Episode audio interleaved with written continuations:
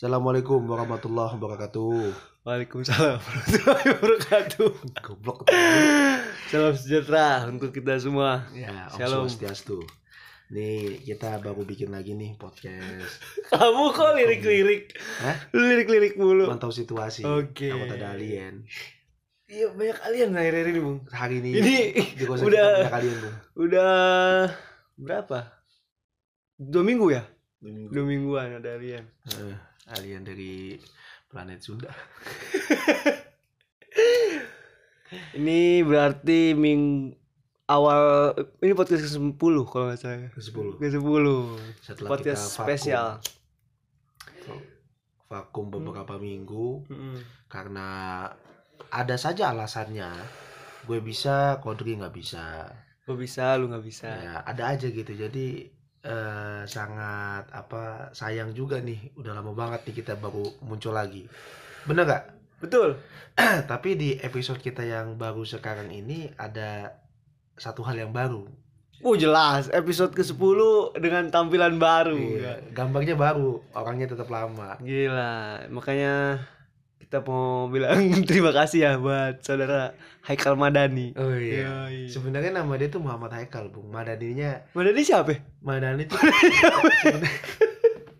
tadi tadinya mau dinamain Muhammad Haikal Madani Itu sih tadinya mau di gitu. IG-nya kan Madani ya? Iya, cuman pas mau ditulis di akte nggak ke bawah. Ya, oh kasihan banget si Madani, Iya, Madani. Jadinya Muhammad Haikal doang. Oh. Ya terima kasih nih kepada Bro Haikal nih. Yang mana itu adalah adik lu ya? Ya, adik gua adik kandung ya, adik keren, keren, keren. Gila lu. Ah. Si Si Budi kecil. Gak jelas Astagfirullahaladzim Ya terima kasih buat Haikal Madani Udah bikinin kita Apa tuh namanya ya Pixart apa apa sih itu namanya Itu kayak semacam Profil picture gitu Iya, ya profile picture, Buat ya. buat po- do- apa podcast kita Iya. Akhirnya se- dengan sedikit paksaan itu juga Dengan ancaman Itu kan kalau di picture-nya itu namanya yang satu Moriarty, yang satu Mafioso. uh, Itu itu kita harus kasih tahu pendengar kita tuh Apa itu Ya, maksudnya kalau Moriarty apa tuh? Ntar gue nebak dulu nih. Ya. Ini apakah musuhnya siapa tuh? Sherlock Holmes. Kenapa jadi langsung bener sih Orang mau nebaknya Ah. Salah dulu gitu Oh bener ya? Bener itu James Moriarty. Profesor Profesor James Moriarty. Yoi. lu nanya dong kok Ya, bukan kalau- Sherlock Holmesnya gitu aja. lu kan biasanya kan kok bukan Sherlock Holmesnya kok biasanya kan gitu kenapa nggak Sherlock Holmes ya kan Maksudnya gimana sih? kan filmnya Sherlock Holmes Oh iya kenapa nggak kenapa Holmesnya lu? kenapa nggak pemeran utamanya Iya, gitu Kenapa? Kenapa enggak? Kalau gue mikirnya emang si Holmes ini pinter cuma berhasil dikerjain sama si Moriarty Dikerjain gimana? dibikin susah dibikin capek dia Tapi kan pada akhirnya Holmes yang menang. bener cuma kan capek bung pegel Iya. Tapi kan terakhirnya main satu tuh nggak salah tuh. lu lihat yang TV apa yang series kan ada dua ada dua Yang movie. Beda ya? kerenan yang series Emang masih ada series sampai sekarang? udah nggak ada Oh. Cuma nonton ada beberapa episode iya itu Moriarty dari situ Eh. gua terinspirasi dari dari dia kenapa menurut gue dia tuh jenius karena bir- bisa bikin orang jenius mikir gitu Hmm. nah lu apa nih Ya lu tebak dulu dong. nggak nama lu apa? mafioso Mafioso. mafioso kalau dari namanya sih dari kelihatannya mafioso tuh daerah-daerah Jawa Timur ya Lu memang sengaja disalah-salahin. Ya jelas lah dari Itali lah Hmm. Tapi lu kenapa? Maksudnya mafia. Muka lu aja nggak ada gambar-gambar mafia jauh anjing. Kagak ada. Kagak ada tampang-tampang pakai. Gue tuh seneng kayak film Godfather gitu. Seneng gue film-film kayak begitu. Gue belum pernah nonton tuh Film-film mafia zaman dulu. Enggak, lu nonton di Godfather. lu nonton enggak di Godfather gue tanya. nggak nyampe habis. Lu tentang apa sih itu? Tetap film mafia. Oh, berarti lu gak nonton lu sebut-sebut doang. Ada juga Ini namanya ini. ini klaim-klaiman doang nih Jakim. Iya, ada Tapi juga kalian- film yang ini yang apa? yang apa tuh ya? Apa tuh mafia mafia itu mafia Amerika tuh yang eh, adegannya banyak yang itu banyak yang disensor karena memang sih? kekerasan. Sao. Sama bukan mafia ya. Lu mah ngaco sumpah. Yang mana? Banyak di sensor Gue lupa gimana? tuh pas itu sempat nonton. Pokoknya eh, mafioso ini dulu tuh dikenal Hmm. sebagai suatu kelompok yang di Itali bu ya dia itu memang eh punya sindikat dalam melakukan kejahatan yang terorganisir kalau nggak salah sekarang itu ada mafioso mafioso yang terakhir itu udah udah ketangkap sekarang sih udah udah nggak ada jejaringnya tuh. Hmm. kalau Jepang mungkin yakuza Yakuza. kan? Kita apa? Yakuza. Kita ormas ya. ada bu Kita itu namanya ormas, Bung. pemuda pemuda P Jangan, jangan gitu BG. Pemuda. iya pemuda Emang kebanyakan sih emang mafia-mafia kan muda. iya Muda-muda. Biasanya. John Kay ya diakuin dong dia itu memang kan eh apa kok ngaco sih Enggak, sampai bilang ngaco sih. Itu bahas yang lain aja yuk. kenapa emang Jangan bahas itu bung, jangan bung. John Kay itu keren kata gua kok Ya emang keren. kok lu kenapa sih Lu mau ngapain? nggak ngeliat itu direkam Jangan ini airplane dulu airplane. udah di airplane udah Oke. Jadi terinspirasi dari situ. iya Bukan mafia yang ada di Indo kan? bukan Kita juga banyak loh mafianya. kalau mafia di itu namanya bukan maf bukan mafioso Bu. Apa? ya apa Mafia. preman aja preman Mafia. mafia kan mafia Mafia, itu. mafia kasus. iya Markus Markus. Makalah kasus Masalah kasus. Eh, gue pengen bahas apa tadi ya? Oh ya, gue bicara soal mafia tuh gue pernah dapet tuh bukunya si Asa, Asa Novik, Ya. teman kita tuh.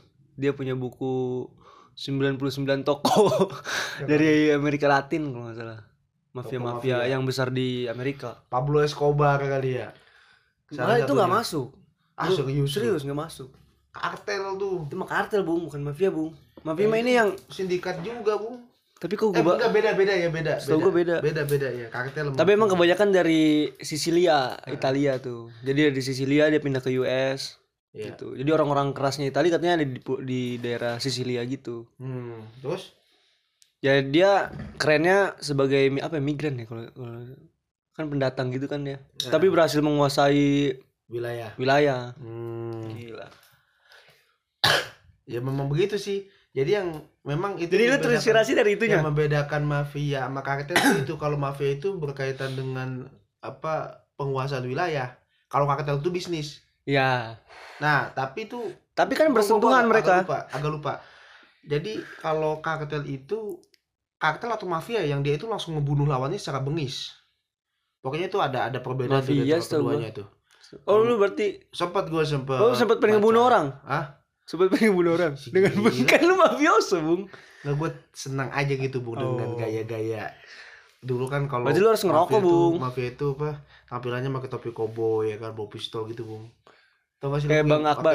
pakai baju-baju panjang gitu Tahu. jas-jas panjang gitu pakai sarung tangan wih keren ya Taksido. taksido Taksido. Keren, keren. Banyak tuh di pengadilan-pengadilan. tahu di pengadilan panas pakai jas Oke, oke. Itu dari na arti nama ya. Ya. Arti nama. Cuma kalau gue lihat-lihat, seneng aja sih ih gue lihat-lihat tapi dari apa gambar yang dibikin Haikal entah ada tendensi bikin apa gambar lu jelek apa gimana ya? kenapa? Kayak kaisang, Bung. kayak kaisang Gak ada yang dibuang. Gua kayak ini baru sembuh dari tipes. Tuh jangan gitu loh. Bersyukur. Iya kayak bagus muda ketipus aja Mana ada rokoknya lagi di situ.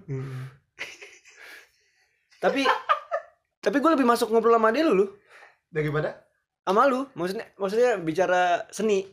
ya iya Dia- dari sini lu gimana sih iya. Oke jelas Enggak, maksudnya kan ke lu soalnya beda banget darahnya. Kalau lu kan kalau gua bahas musik lu nggak tahu. Hmm. Taunya kasidah. Gua bahas gambar kagak ngerti. Gua sampai malam tuh ngobrol sama dia. Di sini Iya, ngobrol. Oh. Lu sukanya kayak gimana, Kot? Kata dia gitu. Lu dia dikasih unjuk ini, ada komik. Gue bilang gini, gue lebih suka ini sih, lebih tertarik sama apa retro-retro kata gue bilang. Oh, kata yang jadul ya? Ya, jadul-jadul. Ah. Oh, berarti lu lebih demen ke gambar-gambar yang kayak kuning-kuning gitu. Terus dia kasih contoh gambar kayak gini bukan, Kot? Iya kayak gini. Oh, berarti lu tipikalnya gini gini gini gini. Oh, udah tahu ya? Tahu ya, bukan belajar di situ. Iya, iya, iya. Kalau lu kal su- sukanya gimana kal?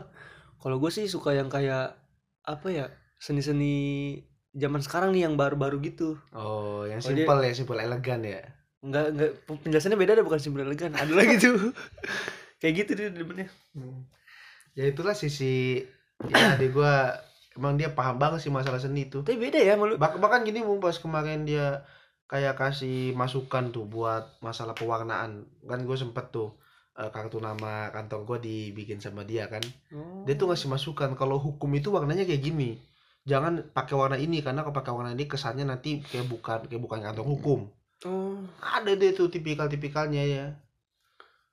Terus bahkan dia- bahkan dia sempat kayak logo-logo kantor hukum yang lain tuh dia ngeliat wah ini logonya nggak sesuai nih kayak kayak logo hotel ada Hmm. dia tuh masuk kakak kasih itu tuh masuk dari apa sih garis garisnya dia lekukannya dia mengartikan sesuatu semua. gitu ya Ah. jadinya ya. ya ini bagian dari inilah dari promosi buat dia lah karena dia udah bikin gambar kita kan. benar Ya. benar. Jadi siapa teman-teman yang butuh jasa Itu juga dia nggak sengaja kan? Hah? Nggak sengaja karena dia pengen nginep aja di sini terus di- ditodong sama kita kan. iya bayangan Tapi cepet lu bikinnya lu ngaco lu. iya Dia kalau dibayar lebih bagus lagi tuh pasti. Iya. Nah kita sih bang- apa berbulan-bulan belum dapat gambar Ngaco lu. Makanya lu belajar jak. nggak itu dapat gambar lu dari mana ya diambil dari mana ya Gambar kita. gambar lu dulu dah tuh di, mana dia ngadopsinya ya contohnya yang gambar ke muka lu yang mana ya Ih, yang ini kan kita kasih gambar. iya tapi kan dia makin topi bung Kayak oh, gue gitu-gitu. bilang kan gue bilang, lu maunya di mau mau gaya apa nih kot? oh. Pengennya gaya apa? Pengen kartun apa? Kan kita tuh eh, acuannya podcast Retropus tuh. Hmm. Kayak gini nih. Wah, ini mah kartun karena Hmm.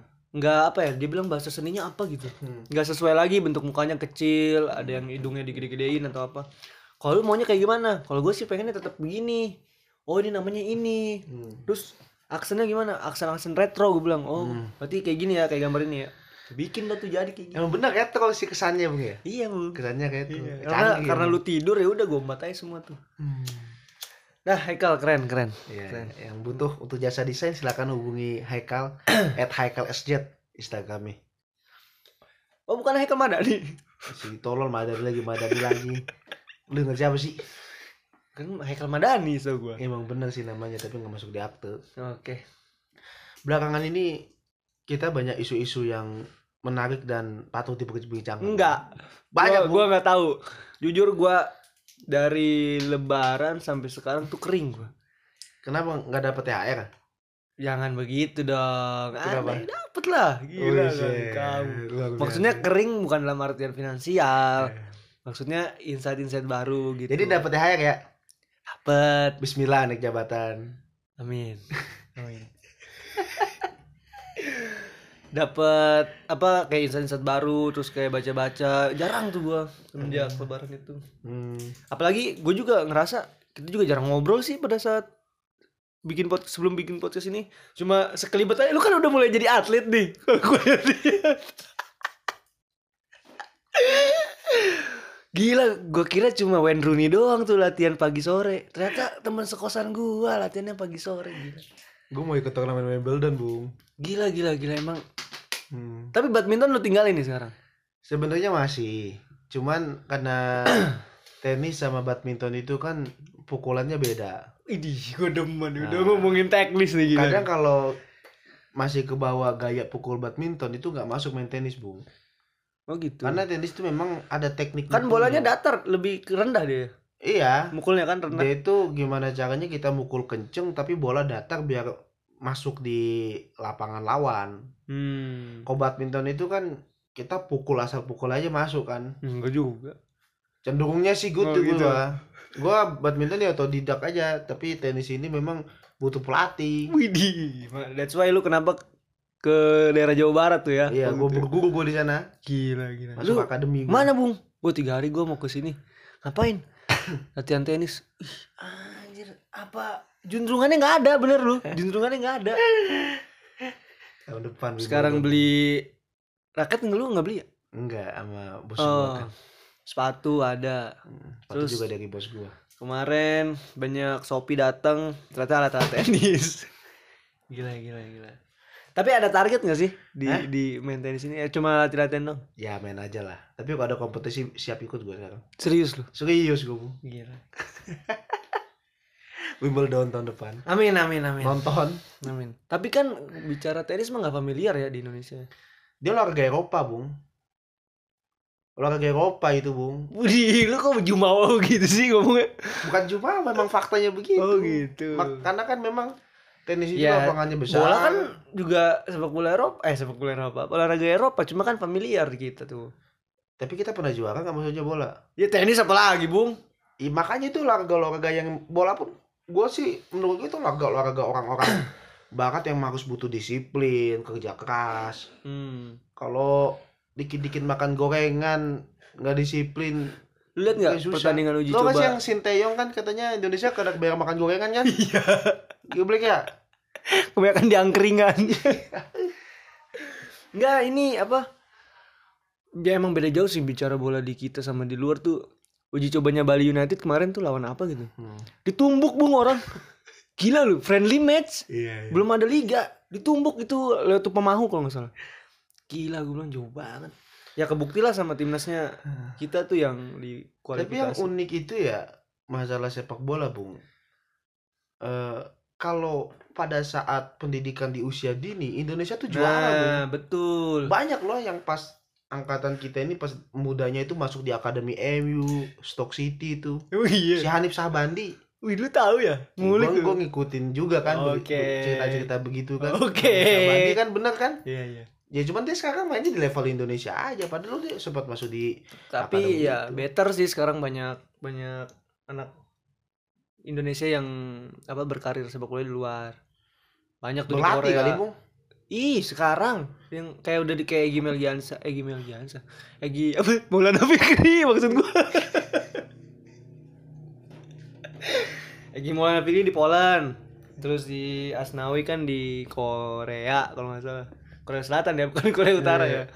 Sama ada juga si orang Palembang tuh di Australia. Banyak, banyak. Tapi memang kalau dari apa eh, kejadian yang serupa sebelumnya cenderung kita tetap gagal bung meskipun ada petalenta yang seperti itu Irfan Bakdim kan dulu sempat main di luar kan tapi di Indonesia dia Lu malah gagal. mau tahu? Samsir Alam juga Samsir Alam kan main di mana dulu Di Uruguay dia. iya Apa latihan?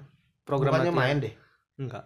Program latihannya di Uruguay dia. SAD kalau nggak salah. Hmm, ya balik ke Indonesia juga terkubur Enggak, dia lagi naik lagi di Rans Cilegon. Anjir. dibayangin hasil Legon Lo kenapa? timnya Raffi Ahmad kan Iya. Lo kenapa? Kan sekarang ada Ahapati.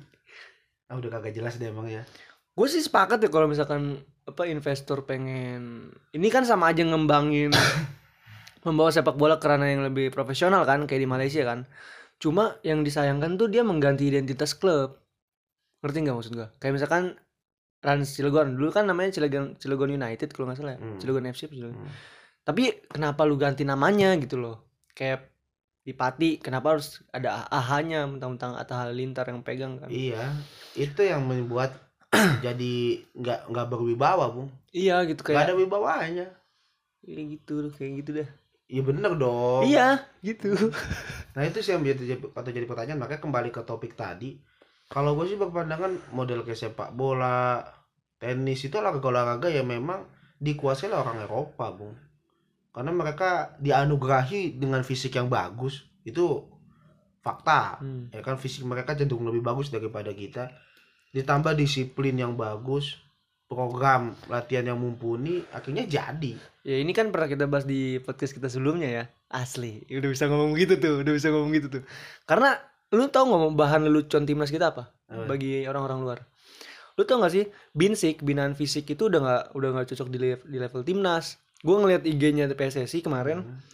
Jadi anak-anak Indonesia itu dilatih fisiknya kayak di gym dan sebagainya. Terus ada komenan di bawah.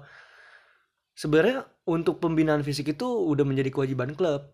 Jadi pada saat dia masuk timnas itu bukan bicara fisik lagi, dia langsung technical gitu. iyalah itu Jadi itu diketawain diketawain apa ya? Diketawain negara-negara luar gitu yang udah Iya. proper masalah sepak bolanya. ya memang kalau udah masuk bukan timnas dong ya masuk klub segala macam itu memang udah bicara taktikal sih idealnya Di kita kan masuk klub bicara ini, Bung. Tunggakan gaji.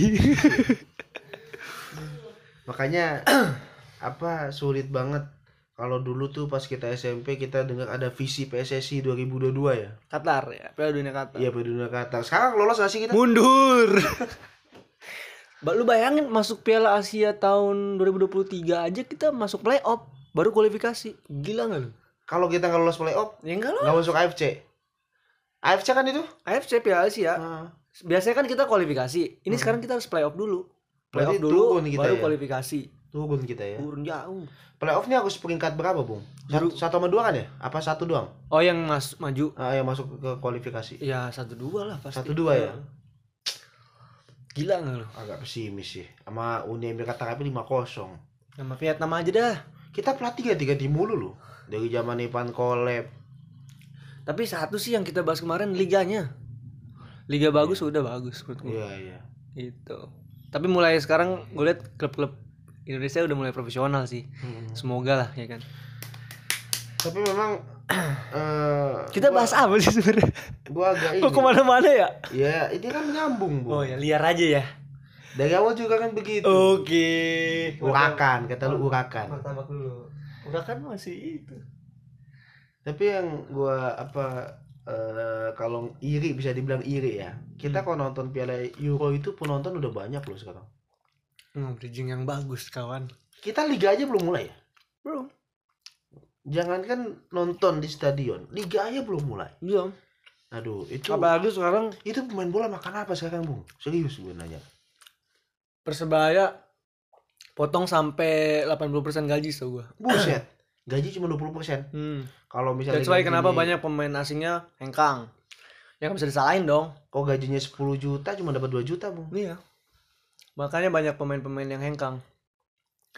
Ya, gua harap sih apa kondisi kayak gini nggak bertahan lama ya, bentar lagi lah cepat pulih gitu persepak bola Indonesia gitu kan. Karena liganya emang bentar lagi bung di bulan Juli apa Juni gitu. Bahkan mulai. Tapi Juli kayaknya. Juli. non penonton ya itu jangan harap ada penonton dulu kali ya, karena COVID juga makin naik ya. di Jakarta sendiri kan akhir-akhir ini lagi kacau bung kita bung. Hmm. Makanya buat kawan-kawan pendengar nih stay safe aja gitu kan. Ah, banget. prokesnya harus dikencengin gitu tapi bener bung tapi gua kemarin habis vaksin Oh, udah vaksin lo. vaksin coy Apa vaksin apa? Polio. AstraZeneca anjing hepatitis A gila AstraZeneca gua Oh. Pegel-pegel apa gimana efeknya? pegel sih pegel sama Lapar. sama pusing banyak utang ya pegel terus ada yang demam ada yang diare kan Lu- karena yang kan kita dimasukin apa? virus kan Yang lu sebenarnya rasain apa? yang gue rasain Pegel aja. ngantuk ngantuk ngantuknya parah sih Hmm. gitu Bagusnya tuh pakainya malam buat ibu. karena nggak cuma satu dua hari eh nggak cuma sehari bung efeknya bung ada yang sampai tiga hari Gua berarti sekarang masih ngantuk. sekarang malah kemarin pa- tadi pagi gue demam Oh. Itu mah bukan karena vaksin anjing. vaksin lah Karena begadang. enggak gue tidur cepat semalam Lu begadang semalam. lu aja tidur duluan kan gue baru dat- datang malam gue Ya itu begadang. ya ya kan memang biasanya begitu balik Iya jam segitu dari kantor tuh Iya sih. demam gue tadi pagi tuh Ada. Tapi Euro nih ngelihat ke Euro lagi tadi ke covid Ya gue lagi seneng bahas Euro nih. oke lu siapa gacokan gacoan lu Gue sih Prancis sih gue. di males pilihnya yang langsung keren Ya memang itu yang paling keren sekarang. Enggak, enggak kalau misalkan dulu-dulu nih. Piala Dunia kemarin lu pegang siapa? Kalau dulu sih gue makanya megang Inggris ya. Oh, Inggris. Inggris itu Gua dari dulu tuh Inggris. tuh. unik lah dia. Seharusnya secara komposisi pemain dia tuh unggul loh. Dari tahun dari setiap Siapa yang lu tahu? Siapa yang lu tahu gue pengen tanya nih. Ih, banyak bung dari Coba. tahun. Ya, dulu kan ada Wayne Rooney kok dulu tuh. Dulu ya, oke. Steven Gerrard, Hmm. Oh, itu generasi emasnya tuh. ya Frank Lampard ya kan tuh lini, lini tengahnya gila tuh. Mungkin kayak kacau lah. Sayapnya siapa sayapnya tuh? Greg Philip, White Phillips. Jokul. Iya Joko. Eh, terus yang tinggi Peter Koch juga masuk ya. Tapi itu kayaknya bukan pemain wah sih. Biasa aja. Gue suka di PS suka pakai itu Peter Koch buat jundul. Tapi bicara Inggris emang pemainnya bagus cuma gue nggak tahu kayak nggak ada mental juara gitu. Kalau ketemu Jerman keteteran mulu, Italia apalagi. Iya sih. Tapi lu Prancis lu megang ya? Lini tengahnya Bung, Ngaco nggak emang. ada obat. Babang Pogba sama Haji Kante itu ya. Iya. Gila. Si Kante badan kecil tuh. Ini sebenarnya bukti sih bahwa fisik tuh nggak segalanya di, di sepak bola kok. Ya iyalah Messi. 6 kali Ballon d'Or. Iya. Kante tuh badannya mungil loh. si si gesit irit dia Iya, kayak Riko Simanjuntak ya. nah iya benar benar benar Tuh, kak gacor juga tuh badan kecil tapi lari dia kayak Tamiya. nah tapi dari ngomongin Euro ada sisi unik tuh kemarin tuh gara-gara Ronaldo oh ini dan botol. Minum botol kok lu ngapa sih mata lu sayu begitu Nggak tahu. iya pas dia minum botol Coca Cola tuh Heeh. Dia- Lu setuju nggak dengan Ronaldo melakukan itu? ya setuju setuju aja kenapa emang Hmm? emang kenapa Ya dari sisi apa lu setuju? dari human being aja maksudnya hak dia aja gitu Hmm. dia kan kedemen yang kayak gitu Menurut lo Ronaldo melakukan itu karena emang gimmick atau emang gimmick gimmick ya? gimmick aja ngapain juga kan kalau lu nggak minum Coca Cola ya ya udah orang itu nggak dibuka juga Iya. Gitu. Berlebihan sih menurut gua tindakan Ronaldo tuh. karena dia sang mega bintang iya apa dia dia itu eh Coca-Cola itu kan sponsornya Euro. sama Heineken Memang dia ditaruh di situ untuk mensponsori ini kan perhelatan Euro. Ya Mahena kan termasuk. Saat Ronaldo menyingkirkan botol Coca-Cola ya sama saja dia apa eh meng- apa tidak setuju dengan fundingnya si itu Coca-Cola. iya Ya, tapi Coca-Cola masuk dana pasti kan. Hmm. Tapi efeknya luar biasa bung ternyata bung buat sahamnya Coca-Cola katanya. Pendapatan Iya, apa itu saham ya? Saham. Anjlok katanya. Hmm. Gila lu. Langsung turun berapa itu? Udah ketawa mulu sih Jak. Siapa ketawa sih? Itu lu ketawa tadi. Kagak. Ini langsung anjlok. Hmm. Terus Haji Pogba ini pindahin bir ya kan, Iya. ditaruh ke bawah. Stay halal brother. Nggak itu pindahin ke bawah buat dia, maksudnya buat di belakang takut ada yang ngambil. Oh, buat buat malam ya. Buat si ini, buat si Benzema. iya. Dia kayaknya muter ya. Pogba, Benzema, Kante tuh Iya. duduknya ngelingkar, Bung. Iya benar-benar. Enak kan diputer. Pakai lokian. Iya. Anjing, bener pakai lokian. Pogba, Kante sama Benzema anjir kan. Mau bahas apa ya tadi? Nah tapi ada yang jadi unik-unik juga tuh. Kayak Yarmolenko malah Coca-Cola sama birnya dia hadapin ke dia. Hmm. Terus katanya, please contact me katanya. Kalau misalkan Coca-Cola sama Heineken mau sponsorin dia. Iya. Jadi banyak gimmick jadinya nih Iya. sekarang. Jadi banyak hal yang inilah seru. Tapi memang itulah ada bilang Ronaldo efek itu, Bu. Hmm. Emang Ronaldo sama Gabina kalau dia ngelakuin apa pun itu akan menjadi sorotan dunia. Itu bisa jadi kampanye dia juga sih kalau menurut gua untuk hidup sehat kan pola hidup sehat. Iya. Ini kayak apa model Elon Musk tau gak lo? Dia gua tuh nggak nggak nggak ngikutin Saat- gua katanya dia pengen ke Mars ya. Jeff Bezos itu memang mau keluar. Ih, katanya Elon Musk ikutan juga. Gue nggak tahu deh kalau Elon Musk. Nggak maksudnya Ronaldo saat melakukan sesuatu itu berefek besar terhadap apa yang dilakukannya. Itu sama kayak Elon Musk, Bung. Hmm. Kayak masalah kripto pas itu kan Bitcoin tuh ngelonjak gara-gara Elon Musk itu menyatakan bahwa Bitcoin bisa digunakan transaksi dalam pembelian Tesla. Oh iya. Naik tuh Bitcoin.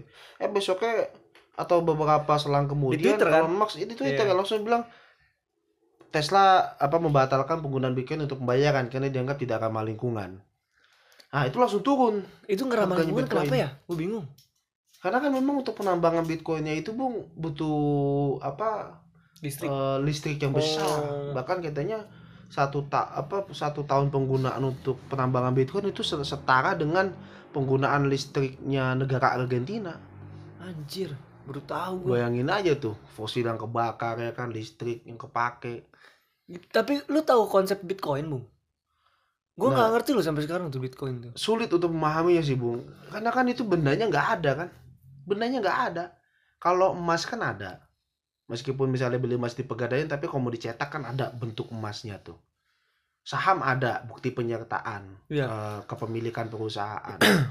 Bitcoin nggak ada bentuknya memang. Itu eh, digital, digital. Tapi kenapa kemudian itu menjadi barang yang mahal sekarang? Karena peminatnya banyak. Ya, Itu sama gue dengar wawancaranya apa ya dia bilang dia agennya Bitcoin atau apa di Indonesia gitu. Gue nggak ngerti. Sama asumsi, Hmm. di asumsi tuh dia di wawancara. Kenapa eh, lu apa coba memperkenalkan Bitcoin di Indonesia katanya? Lu nggak takut sama stigma orang-orang yang bilang ini A lah, B lah dan C dibilang. Dia kasih analoginya begini, Bung, simple. Di zaman sekarang, di era digital sekarang, lu tau Bluebird kan? Mm-mm. Kenapa dia dulu sempat anjlok katanya? padahal dia aset ada Hmm. gedung ada mobil dia punya tapi kenapa kalah sama Gojek yang dia nggak dia nggak punya apa alat kendaraan sendiri gitu Karena Gojek punya digital, iya platform Dia digital. bilang era digital sekarang tuh harus dipandang dipandang apa eh komprehensif. ya. iya gitu loh Holistik. holistik itu katanya Hmm. tapi gua sampai sekarang masih belum ngerti gua temen-temen gua banyak yang main Ya karena memang trennya lagi ke sana. Trennya lagi ke sana. Ada yang boro-boro bitcoin yang jelas-jelas uang aja gua kagak ada. Eh, saking saking tren Bitcoin ini sedang naik, bahkan kita sering dengar tuh kalau tongkrongan di kafe-kafe kan ngomongin Bitcoin. Iya. baru nanam lima puluh ribu di Bitcoin udah kayak Wa- Warren Buffett belum. Baru punya lima puluh ribu buat lima puluh ribu perak. Kayak yang udah paling ini ya. Ya kayak Warren Buffett.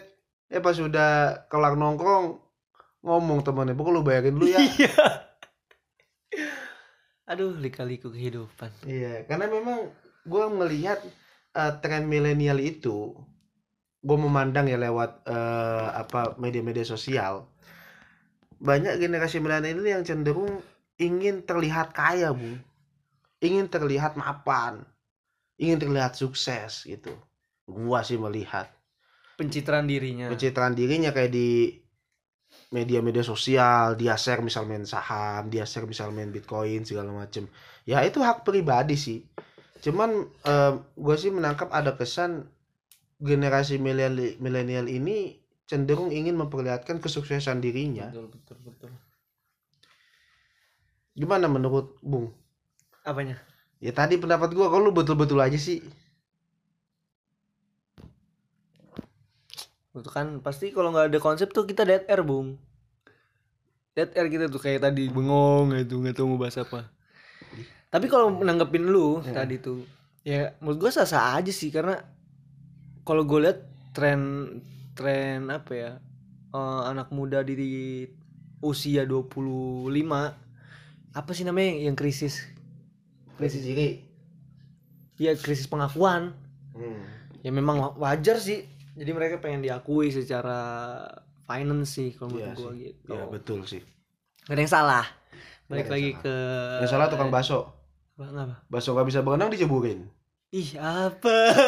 Sama Itu. tukang bajigur sama tukang bajigur bung anjing lah makan Tukang air keru dijual. Iya. Iya anjing itu. Ih jak udah jangan jangan. Apaan sih jak? Nah sekarang kita mau ini bung yang kemarin lagi hit juga tuh bung. Bang. jaksa pinangki. Hmm. Sama apa wali kota kabu eh bupati wakil bupati ya? Sangihe. Sangihe. Itu lo, lo ada ada apa ya tendensi ke arah ini gak sih bung? Aku bisa kayak lagunya efek rumah kaca tuh yang dibunuh di udara. Hmm. Kan sama kayak kasusnya Munir bung. Iya. Kalau menurut gua. Cuman memang eh, persoalannya masalah bupati sangihe ini dia ini beritanya muncul eh, setelah bupati wakil bupati ini meninggal. Jadi isu Maksudnya? masalah isu masalah yang ada di sangihe itu nggak terpublish iya. Terpublishnya setelah wakil bupatinya meninggal. Ya nggak? Betul. Tapi kan ya nggak? Kita baru tahu adanya permasalahan-permasalahan itu kan setelah bupatinya wakil bupatinya meninggal. Ya secara nasional kan maksudnya. Secara nasional. Jadi cuma kan pada dia berhasil menggagalkan ini bung. Dia nggak nggak dia nolak izinnya itu kan si tambang itu kan. Iya iya betul. Cuman penolakan dia penolakan masyarakat Iya, iya, itu iya. tidak menjadi isu publik Iya, iya. pada saat itu. Nah Betul, ketika betul, betul, meninggal itu baru menjadi isu. Ini sehingga eh, apa penyebaran isunya tuh kurang masif jadinya. Jadi sekarang kan kayaknya menghilang aja udah. Iya, karena iya. karena tidak tidak ada pengawalan bung pada saat proses itu. Ke- ya kecuali misal kayak RUU KUHP dulu kan kan Ah, dikawal masif dari ya. awal kan. Masif ya. Sampai akhirnya ditolak itu nggak jadi disahkan. Tapi sekarang kan mulai digandrungan lagi bung. Ya RUU KUHP udah mulai lagi. Ini seru nih kalau RUU KUHP dikabulin seluruh fakultas hukum di Indonesia belajar KUHP beda. Dosen pidana harus Iya, upgrade ilmunya upgrade lagi. Kalau sekarang kan dosen pidana cenderung ngikutin KUHP yang lama. Iya. 372 378 Ya lulusan hukum 40 bolak-balik, tahun yang lalu juga sama ya. Maksudnya KWP yang itu kan. KUHP ya Dari lulusan- zamannya buset. Tahun berapa dari zaman sarjana hukum pertama kali Iya. kajiannya udah itu nah kalau RUKP ini disahkan ya dosen hukum se Indonesia itu harus upgrade ilmunya khususnya dosen hukum pidana berbarengan sama KUHP dulu apa sih KPK ya KPK nah Oh. KPK juga sekarang kan lagi banyak ini nih pro kontra terkait apa TWK ya hmm tes wawasan kebangsaan. Itu pertanyaan-pertanyaan pertanyaan-pertanyaannya yang muncul di media mainstream televisi kayak gitu. Lu percaya nggak sih? Masa sih sekelas KPK nanyanya kalau pacaran ngapain aja? Terus Iya. pilih Al-Quran apa Pancasila? Gitu. Itu apa ya? Iya gue gue ngikutin tes wawasan kebangsaannya BI hmm.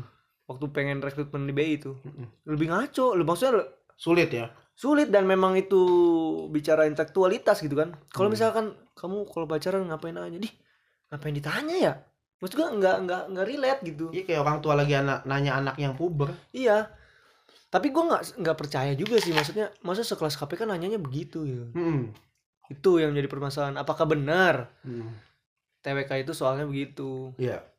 Cuma memang isunya kan sekarang sudah ya pasti memang kalau bicara isu yang di masyarakat pasti kan eh, masyarakat itu secara general populisnya isu yang populis pasti kan selalu kontra dengan apa yang eh, terjadi Iya. kan. Gue juga sebenarnya nggak make sense ada pertanyaan itu di Iya. TWK tuh. Heeh. Kalau memang benar in eh, apa luar biasa kacau, Wah, kacau, sekali. kacau sekali Kalau memang benar benar. itu mah yang nulis kayak orang lagi giting Iya. iya benar gak sih untuk sekelas KPK kok pertanyaannya begitu gitu loh Iya. Nggak berbobot. siapa sih ketuanya Firly ya? Firly Dari Bahuri. Polri kan? Polisi. dulu kan Hmm. menurut tuh ada konflik of interest gak sih Se- kita menurut data ya menurut data yang gue pernah gue baca salah satu institusi korup tuh kan dari Polri salah satu ya Hmm. Polri korup nah sedangkan pemimpin KPK yang bertugas untuk eh membumi hanguskan praktik korupsi di Indonesia berasal dari institusi, institusi tersebut Mm-mm. kalau menurut gue pasti ada konflik of interest kok Iya.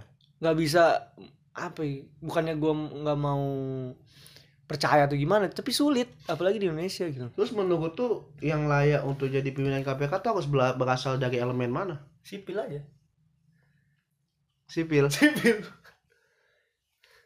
independen gitu bung kan KPK kan lembaga independen kan Iya. harusnya dia jauh dari anasir-anasir institusi negara Menarik itu. Logikanya menarik. Bung. menurut serius bung Mm-mm. Menarik itu. Gue Iya juga kan? bener kan keren itu. Ya lembaga independen. Maka yang mengisinya pun harus orang-orang Iya. independen. Tidak gitu. terafiliasi dengan lembaga Iya. mana pun. Nah ini kan Firly Bahuri terafiliasi dengan polisi. Terlepas dia sekarang bekerja di KPK. Tapi kan dia itu berangkat dari background seorang perwira polisi. pasti ada jiwa korsanya di sana kan? Nah kemarin itu. juga kita sempat bahas tuh. Pandangan kita ideologi kita sekarang apa yang kita pegang sekarang nih prinsip kehidupan kita itu kan masalah di mana kita mulai di mana kita berangkat. Kalau lu bilang kemarin kan gue kan dulu sempet tes polisi. Makanya lu sempet nanya kot kalau misalkan lu jadi polisi lu masih nggak apa istilahnya memiliki keyakinan seperti sekarang gitu Hmm. prinsip-prinsip seperti sekarang Hmm. gue akan jujur bilang kayaknya enggak Hmm. karena gue berangkat pertama kali ya di institusi tersebut misalkan di Polri gitu Iya. gue pasti punya paradigma seperti polisi gitu Iya. jadi Ma- makanya kata lu ini adalah apa ya apa permainan Kita ya kita sedang memilih peran aja sebenarnya. nah, pemilihan peran doang Nah. kan Coba eh, misalnya kawan-kawan berpikir dulu misal ada teman-teman yang mau masuk polisi cuman nggak terima kayak teman saya di depan ini kan. Hmm, bayangkan pada saat itu terima sebagai polisi. Pasti mindset atau pemikiran teman-teman berbeda dengan sekarang. Kita ini kalau gue sih berpandangan orang itu akan terbentuk pola pikirnya atau memilih martabak. eh, memilih dia eh, ke mana dia akan berpikir itu setelah lulus kuliah sih Kot. eh lulus kuliah sorry lulus SMA lulus SMA itu dia akan menentukan ke mana dia akan menempatkan pikirannya atau ke mana dia akan eh, menentukan perannya. Misal dia masuk kuliah ya kan? Dia masuk kuliah kemudian ikut organisasi yang sifatnya Hmm. perjuangan aktivis segala macam. Maka pola pikir dia akan eh, menyentuh dimensi kerakyatan. Betul. Atau sisi lain orang yang kuliah kemudian saat masuk kuliah dia itu melakukan kegiatan-kegiatan bisnis ya kan Ya, maka orientasi dia adalah untuk eh, berwirausaha pola pikir dia adalah pola pikir Ya. bisnismen tentu kan itu berpengaruh sama cara pandang dia kan terhadap Iya. terhadap uh, memandang suatu fenomena gitu kan. Iya. Ya atau Benar, yang atau ada yang biasa-biasa aja dan sebagainya lah. Nah, khusus dengan orang-orang yang masuk ke institusi Polri misalnya atau militer, maka paradigma dia akan ke sana. Ya tentu pada saat misalnya ada demo, demonstrasi ya antara mahasiswa, kemudian kan dibenturkan dengan polisi, masing-masing pihak ini mempunyai peran yang berbeda Iya. karena mereka berangkat dari latar belakang yang berbeda. Polisi menyatakan bahwa mereka lah yang berada di posisi pihak yang benar, Benar. gitu kan. Mahasiswa pun demikian. Ya pada akhirnya kita ini dibentrokan ya karena kita ini telah memilih peran masing-masing. Anjing, gila. Konstruksi perkataan yang sangat ciamik. Tapi tadi menarik tuh, Bung. Yang mana? Lembaga independen harus dipimpin oleh orang independen, Bung. Iya, kan logika dasarnya begitu ya. Awal mulai mereka terbentuk kan memang untuk Jadi lu nggak setuju ketika pantas gua- pantas iya lu nggak setuju ketika negara ini dipimpin oleh militer ya? nggak setuju gua. Nggak setuju. Ya, gua nangkep. Megawati tuh sipil, Bung. Iya sipil, sipil banget ya. Sipil banget sih ibu mah. Jadi lu setuju. Ya nggak juga sih kalau dia mah. Tapi dia keren loh, dia dapat itu bung, dokter honoris causa ya. Eh guru besar ya di Unhan ya. Gak apa-apa jelasin aja orang jadi pembahasan kok ini Iya. gimana? Yang uniknya itu dia nggak pernah bikin skripsi bung sebelumnya bung. Itu dia, Bung. Maksud gua gua nggak nggak bahas dia pernah bikin skripsi atau enggak sih. Maksud gua pengangkatan honoris causa di Indonesia tuh apa sih indikatornya? Atas dasar apa? Atas dasar apa dia diangkat tuh gitu? ya? Hmm. Dengan kalau menurut gua mudah gitu. Untuk oh ini disematkan honoris causa dari universitas ini, dari universitas. Maksud gua emang apa yang dia bikin istilahnya gitu? Ada sumbangsi intelektualnya apa gitu kan? Kan bicara pendidikan tinggi kan bicara inte- intelektualitas gitu kan, Bung? Iya. harus ada sumbangsi kan yang diberikan gitu. Iya. Kalau Ibu Megawati ini kan dia punya tulisan bung, yang tulisannya ini bagus juga sih. Bismillah komisaris ya kan. Unik loh tulisannya bung. Serius. Ya kan? Emang iya. dia kan bikin tulisan meng- mengkaji Lu serem tentang bung nih gua. Mas ini. Dih. Oh iya terus. lu takut takut amat sih Wih di, gue demen nih. gue juga gak takut sih dikit Terus terus. dia kan bikin tulisan tentang eh apa masa pemerintahan zaman Megawati jadi Ibu Megawati menulis paper tentang zaman pemerintahannya Megawati Yang Indosat dijual. Ya segala macem lah gue nggak tahu itu masuk di papernya atau enggak ya Bukan Indosat doang kan bung ya, setahu gue. ya? Ada sih. beberapa BUMN Ya. yang jual. Hah. tapi lu yakin gak sih itu dia yang nulis langsung Kalau mungkin memang tipikal orangnya walaupun sibuk gitu ya, Hmm. masih sempet nulis gak kayak kita, sibuk Hmm. capek tidur. Kalau mungkin beliau sibuk nih, Hmm. tapi masih sempet nulis bu. Kan kita nggak tahu. Iya. Bismillah nggak nih Bismillah. apa komisaris Allahu Akbar. Ya itulah sekelumit apa? Kayak kayak gue hidup di Indonesia tuh nggak nggak bisa sama masa lalu bung. Gue kadang tuh jemu, muak gitu. Lu ada rencana pengen pindah warga negara gak sih? gue sih kagak ya Teman-teman gue tuh banyak yang pengen pindah ke Oslo. Oslo mana sih Oslo tuh di daerah Skandinavia sana sih kalau gue.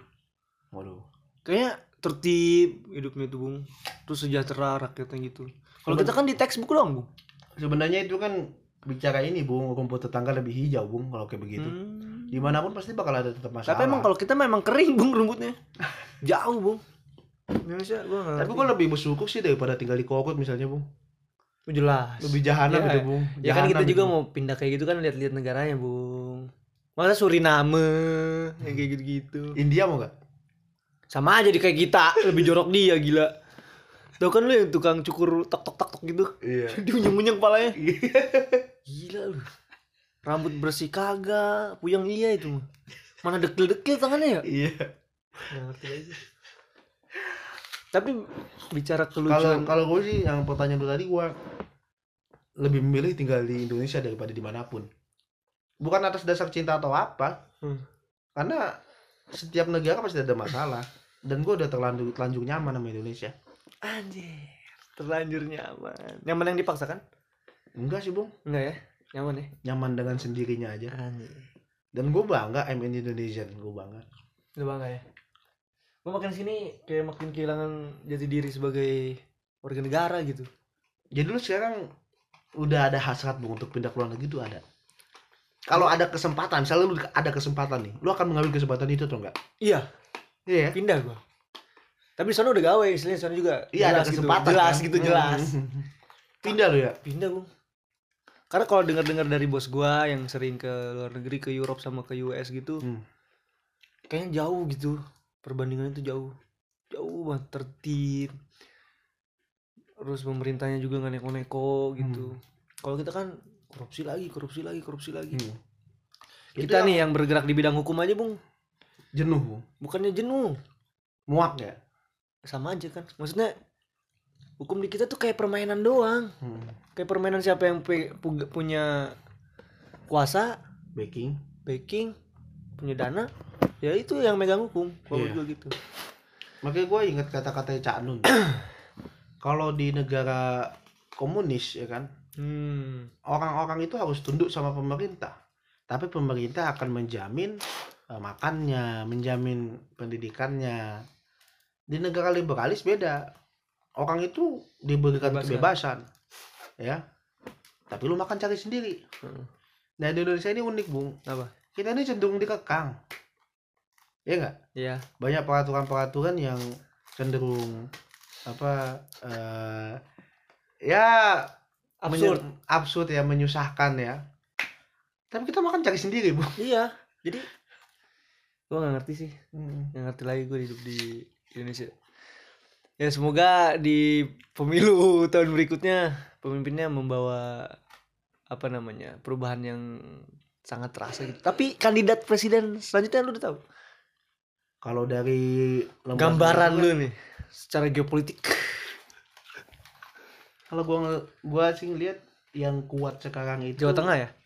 Ganjar ya Ganjar ya? sama Anies paling ya Ganjar Anies ada juga Puan Prabowo.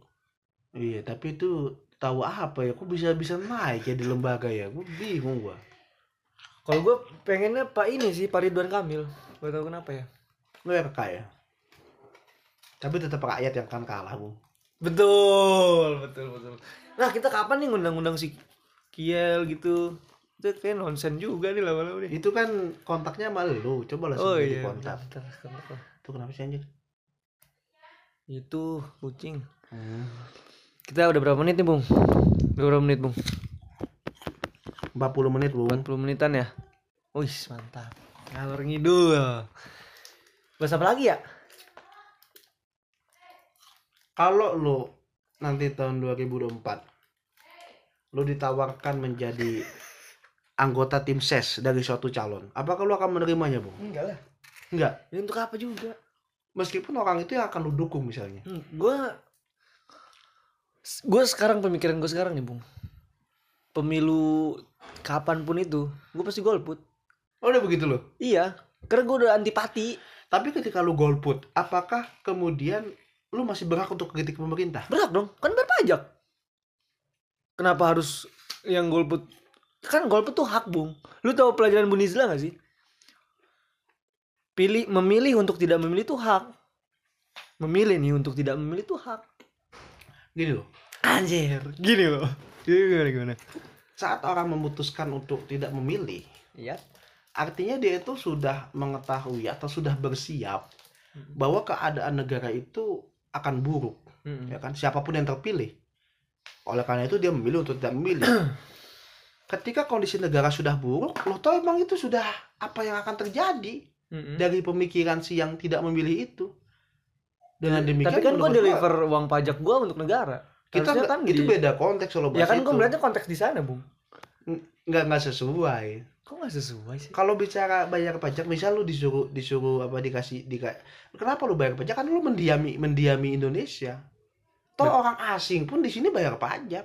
Iya cuma kan tapi harus mereka, digunakan tapi dengan mereka, baik. mereka itu tidak kemudian eh, mengkomplain pemerintahan karena mereka di sini nyari uang ya kan orang asing itu di sini dia ber, eh, jadi pengusaha di sini dia bayar pajak ke pemerintah pajak itu kemudian di gunakan oleh pemerintah kan.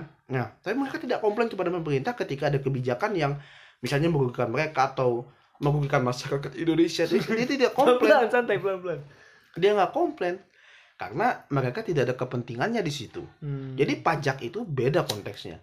Nah, ketika orang memilih untuk tidak memilih, artinya dia itu sebenarnya sudah melihat ke depan bahwa negara ini siapa pun yang akan memimpin akan kacau. Ketika terjadi kekacauan, ya buat apa lu protes? jadi diam aja gitu Diam aja karena lu nggak kemarin golput. Kalau gua tuh gua punya hak kritik. Hmm, gitu konsekuensinya gitu ya Konsekuensinya begitu. Misal ada yang kemarin maaf milih Pak Jokowi. hmm. Pak Jokowi ternyata sekarang misalnya ada yang nggak sesuai lah dari kebijakannya. Dia berhak kritik karena dia memilih Pak Jokowi.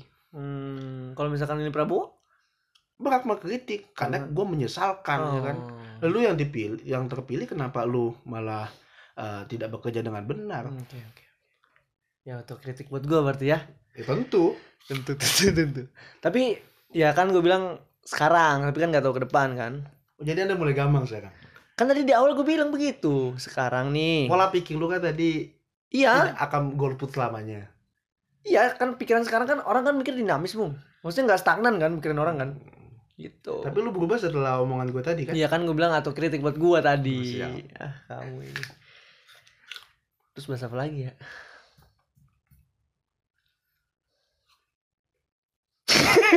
kalau pilgub DKI itu kapan sih Nggak tahu.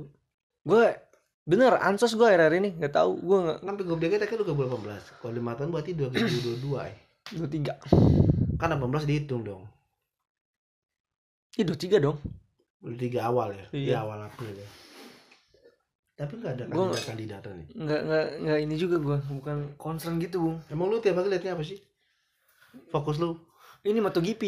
MotoGP Gue lagi demen motor. Nggak tahu kenapa. ingat Cilagung Iya bener bung. Buset. Bener gue ingat Cilarung bener. itu Cilagung ke mana kabarnya gimana Gue nggak tahu bung udah dipegang siapa tuh. Agak nyesel juga sih dilepas tuh motor.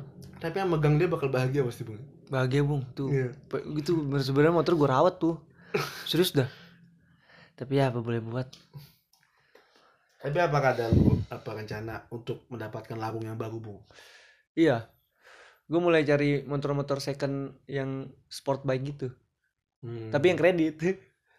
jadi kalau lu dapat yang kayak gitu yang ini lu jual Enggak. Kan peruntukannya beda. Kalau ini buat harian. Kalau sport bike kayak buat Sunmori gitu-gitu. jadi lu tahu rumah aja Iya. Iya, maksudnya Hmm. buat pakai mingguan doang. Hmm. Tapi kan cita-cita ya. Ya. Kan gak tahu. lu bisa nang tipe motor yang modern apa Jap style klasik gitu Gua, gua- dulu gue nah ini yang gue bilang sama lu pemikiran orang tuh dinamis. Dulu gue demen cafe racer, Jap style, kayak laki gitu kan, kayak American style gitu kan. Eh, tram eh triam ya triam. yang kayak gitu-gitu. Hmm. Cuma makin ke sini, hmm, gue nilainya nggak cocok. Terus gue lebih demen yang motor-motor sport bike gitu. Kayak fairingnya MotoGP gitu, ya ada Iya. fairingnya. kayak Kawasaki lah Kawasaki Ninja Iya. Ya pokoknya kan motor begitu disebutnya ninja mulu. Padahal, Iya. padahal dari Yamaha atau apa. Iya. Nggak tahu kenapa. Nah itu pikiran orang kan nggak stagnan bung, maksud gua. Oh, gua sih masih masih Matic. konsisten gua. Anjing motor lu pernah turun mesin kan? Udah turun mesin, Bung. Gila Itu setahun kan. kemarin kan keserempet mobil itu. Oh yang lu sama bos lu. Iya. Itu kan lampunya miring ke samping, Bung. Jadi jereng matanya, Bung. Kanan gitu dia. Goblok emang motor tuh tolol. Tapi lu nggak pernah ngerawat sih ya kalau gue lihat. Rawat, Bung. Cuci-cuci bung istilahnya. Ya taruh Hujan setiap- ini kan dia bersih dia. Ih apa sih? Ya kotor lah kaki-kakinya. Enggak dong. Nah, Lu, lu beda emang beda sih sama ade lu. Hmm? Nih ade lu bilang itu kal emang si Jaki kalau di rumah ngapain sih? Dia ngobrol apa? Kagak tidur doang. Parah lu. Terus dia emang dari Ngobrol anjir. enggak dari Ngobrol. sih, ngobrol. tuh kan. Ngobrol gua. Terus emang dia orangnya selebor gitu ya? Iya dia mau bocahnya satu doang sih dia tuh. Kayak takut banget sama air. Jarang mandi. Beda banget sih emang lu asli. Haikal tuh lebih rapi lu. Eh cakep dia. Lebih rapi dia. Lu kandung kan? Kandung. Kandung ya? Iya. Gila gila. Makin gak jelas kita ngobrol nih Otak ke mana-mana. kan beda-beda, Pak. Ini kayaknya udah sejam ya? Udah udah sejam ini. Iya, daripada terlalu Ternyata panjang. Adrenalin ini ya agak agak terpacu ya kalau ngobrol tanpa ada guidance. Kalau gua, Gue lebih suka kayak begini sebenarnya. gua nggak bisa loh. Gue lebih seneng. kayak dead air gitu. Kalau sebenarnya kan ini untuk meluapkan masalah, Ya, ya. meluapkan pemikiran. Jadi Ini nggak juga usah- berhubung nggak usah- karena karena beberapa minggu vakum sih. Jadi ya ngobrol biasa aja. Jadi nggak usah pakai catatan. Kalau pakai catatan, Tengil. pikiran- kita malah tengil, tengil, ter- enggak, lu terdikte, tengil, Bung, malah enggak terdikte. terdikte. Itu tuh kan ada guideline-nya, Bung. Jadi kita malah fokusnya Ada bottom line-nya ke sini, ke sini. ke tulisan. Kalau ngomong kayak gini kan apa yang Iya, ada di tapi otak. liar, Bung. Ke sana ke sini, Bung. Itu lebih seru. Bung. Lebih seru pendengar puyeng, Bung. Orang bahas apa sih? Oh ya walaupun gak ada yang denger sih. Tapi ada walaupun kita vakum beberapa minggu, follower IG menambah satu. Siapa? The Besto Chicken Rawamangun. Wih. Wih, gila. Kita mungkin bisa sponsorship tuh sama Dokem. Ya sponsorship ngirim ayam mah nggak apa-apa. Nggak ya. apa-apa bener nggak apa-apa dah. Nggak apa-apa. Oke. Ya, terima kasih. Eh ya teman-teman Dekem mungkin ke depannya kita akan eh, konsisten kembali setiap minggu sekali Ya. memberikan hmm, apa obrolan-obrolan yang tidak menarik ya, Iya benar-benar. yang ringan juga nggak ringan, Berat juga nggak berat. Pokoknya sedang-sedang. Ya kaum kaum di tengah-tengah aja, tipikal kaum di tengah. Iya main aman, Main aman, biar nggak kena undang-undang ITE, betul, biar nggak diciduk sama Intel, betul. Indomie telur. Iya. Nah, teman-teman kalau ada yang mau punya pemikiran atau ada yang menjadi ge- apa kolaborasi misalnya Ya nantikan ini aja lah. Mungkin soon kita akan saya udah ngomong berapa kali ya. menawarkan ya Iya. Kita akan kolaborasi sama pembicara-pembicara yang lain. iya segeralah itu direalisasikan Mhm. ya terima kasih jaga kesehatan nih Jakarta sedang tidak baik Anjing klise goblok, klise, klise. klise? Iya kan tadi ngomong gitu lu bilang klise. Jakarta sedang Tapi benar, tapi benar, tapi benar, tapi benar. Tetap stay safe aja lah buat Hmm, yang lain. Karena lah semua lah pakai masker lah yang bener dah mulai ningkat nih. Nggak ngaco nih emang. Kalau ada kesempatan vaksin sikat udah. Mm-mm. Jangan bilang itu ada magnetnya microchip apa nggak ada itu nggak ada. Sih ditutup ya ditempel Iya gitu. ditempel, ya nempel lah ya. Iya. Ngacu lu. otak otak Indonesia tuh, aduh. Ya. Ya. Udahlah yang kayak gitu-gitu udahlah. Hmm. Assalamualaikum warahmatullahi wabarakatuh